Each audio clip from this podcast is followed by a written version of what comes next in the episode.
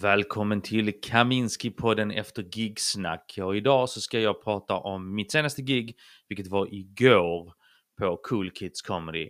Efter gigsnack pratar jag mest. Det är en reflektion av hur det har gått och vad jag, mina tankar efter mina gig. Och först så vill jag bara tacka alla som har lyssnat på premiäravsnittet av eh, Kaminski-podden all feedback jag har fått. Det har varit riktigt nice. Så är det som så att du gillar podden så följ den gärna där du lyssnar på din eh, podcast och lämna gärna en review eller betygssätt så hjälper ni mig att nå ut till fler och ni hjälper podden att växa. Så hoppas verkligen att ni gör det så uppskattar jag det väldigt mycket. Men Cool Kids Comedy var jag på igår och det är en nystartad klubb i Malmö som kör på måndagar. De kör två gånger i månaden, i månadsskiftet, så sista veckan i månaden, sen första veckan i den andra månaden. Och då är det en kväll på engelska och en kväll på svenska. Så igår var det premiär för deras svenska eh, kväll eh, som jag körde på. Och klubben ligger på Green Lion Inn som är en pub, en brittisk pub, eller typ det är en sån brittisk pubkänsla eh, bakom centralstationen. Eh, det var väldigt nice, jag tyckte rummet var schysst, det är väl ungefär 45-50 platser. Eh, jag gillar också, så som jag sa i föregående avsnitt, att det finns ett rum bredvid själva huvudbardelen. Vilket jag tycker är nice, för att då blir det ju en liten annan känsla, som jag nämnde i förra eller förra avsnittet när jag pratade om Folkets Comedy. Och den här klubben drivs av Sebastian Karabeleski och eh, Erik Rosenstrail. Så två komiker. Och Sebastian, han kör ju, driver ju även Folkets Comedy. Så kom gärna dit, det är gratis, det är på måndagar och det kommer, kan bli, kommer bli en väldigt bra klubb eh, med tiden. Och det, det, tar ju lite tid att etablera något sådant ju såklart. Så det är jäkligt schysst. Och jag körde där igår, jag fick äran att avsluta eh, kvällen. Eh, och då var det ju som så att eh, konferencieren då, eh, Sebastian, precis innan jag skulle köra på sa till mig, jag bara, men du, eh, vi har ganska bra med tid så att bara kör du på liksom. Vi behöver avsluta klockan 10. Och det, det, det var nice ju, för då släpp, slapp jag tänka lite så på tiden och hur länge jag skulle köra så jag kunde, jag kunde köra på. Jag hade ju en plan så som jag nämnde i, i förra gången att jag ville testa min story, min story från campingen. Alltså jag har jobbat lite på den och så tänkte idag måste jag göra det. Men med tanke på att Sebastian var så, för, var så frikostig med tiden och så sa han bara kör på. Så hade jag väl en 20 plus minuter att faktiskt eh, experimentera lite på scen.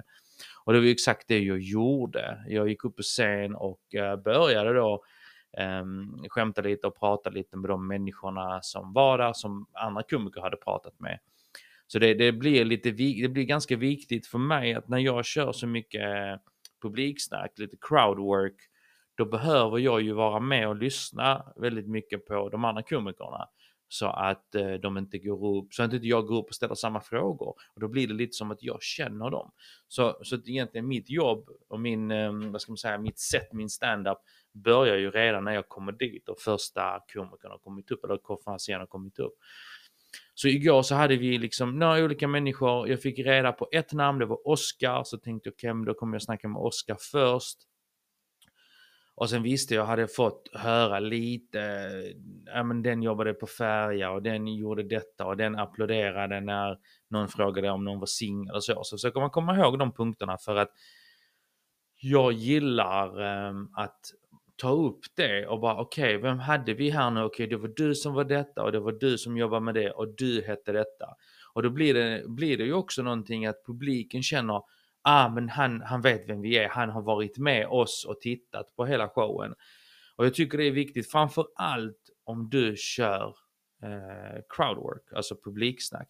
Då, då tycker jag att det, det finns ju inget annat än att faktiskt vara där och lyssna in. Det finns en annan metod som man kan komma, om vissa komiker de kanske har dubbelgig, man kommer lite sent.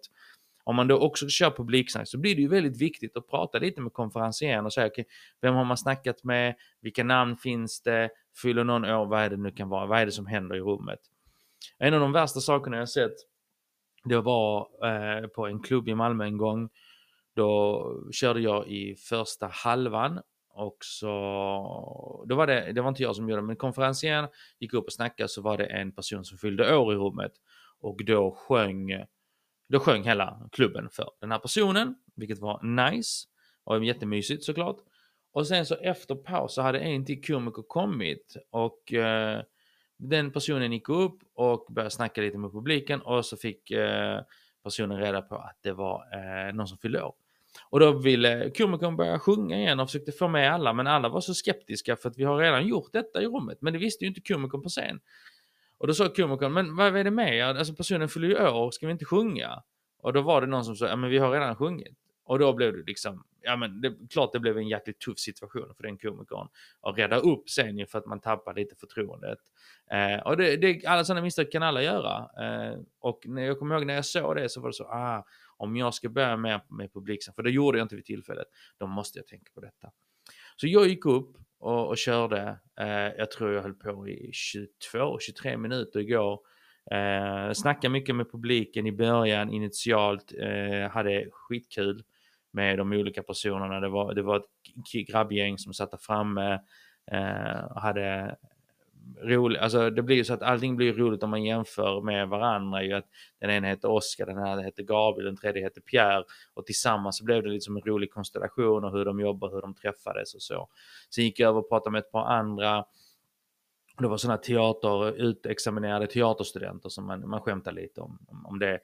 Och jag tyckte det, det landade väl och, och en sak som jag märkte denna gången var att min övergång till att börja prata vanligt material och det här spontana blev mycket bättre för att jag har ju övat lite på övergångar och övat lite på att vara spontan i det jag säger. Eh, alltså att det låter mer spontant än vad kanske det är. Eh, så det blev, det blev verkligen bra igår kände jag. Eh, jag eh, fick chansen att berätta min story, min story från, från campingen. Eh, jag eh, tyckte det gick bra. Um, vissa saker som jag behöver slipa på där såklart, för den, denna har jag kanske berättat tre gånger nu bara. Så det tar ju tid såklart, så den här är ju så långt ifrån färdig som man ens kan tänka sig.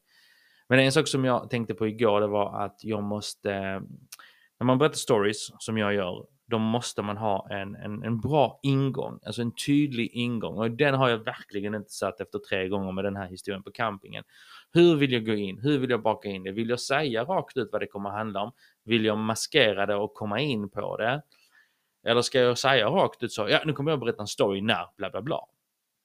Jag får ju testa mig fram i det. Jag ska försöka prova olika variationer för att se vad som känns bäst. Eh, igår så frågade jag egentligen publiken, ja, men har, ni, har ni varit på campingar? Och, jag, och så fick jag lite respons. Jag, jag tyckte inte det var ett bra sätt att gå in på det för att eh, det kändes eh, det kändes onödigt. Varför ställer du frågan när du egentligen inte är intresserad av svaret? Och det är det jag försöker göra, att varje fråga jag ställer så ska det vara eh, jag ska ha en intention med det, men här blev det lite spontant. Jag bara, har någon varit på en camping? Alla bara, ja. Yeah.